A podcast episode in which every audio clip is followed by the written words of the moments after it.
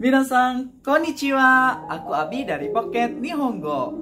Nah, pada video kali ini aku akan jelasin ke minasan semua kita supaya bisa menjaga kesehatan di saat musim panas di Jepang.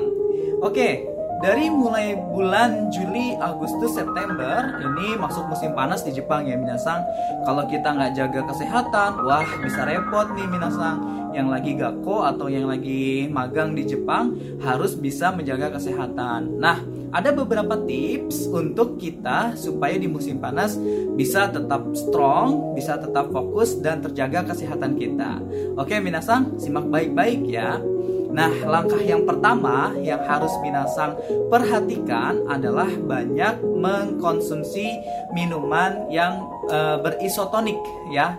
Contohnya di situ ya di Jepang ada Aquarius atau Pocari Sweat. Oke, Minasang.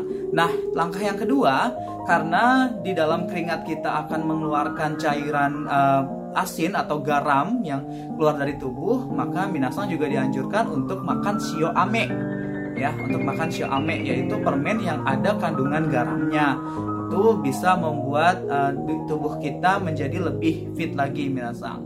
Oke, langkah yang ketiga, minasang hindari minum minuman dingin yang manis ya minasang. Hindari seperti Coca-Cola atau Fanta ya pokoknya minum-minuman bersoda minasang harus hindari.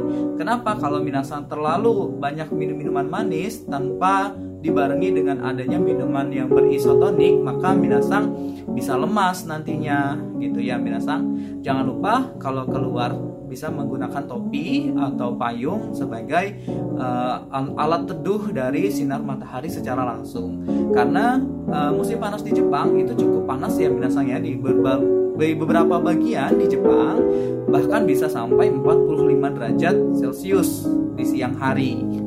Nah Uh, tidak jarang juga banyak sekali orang-orang Jepang yang terkena netsusho. Netsusho yang bisa dibilang adalah demam tinggi gitu ya minasang yang diakibatkan dari gelombang panas paparan sinar matahari langsung kepada manusia.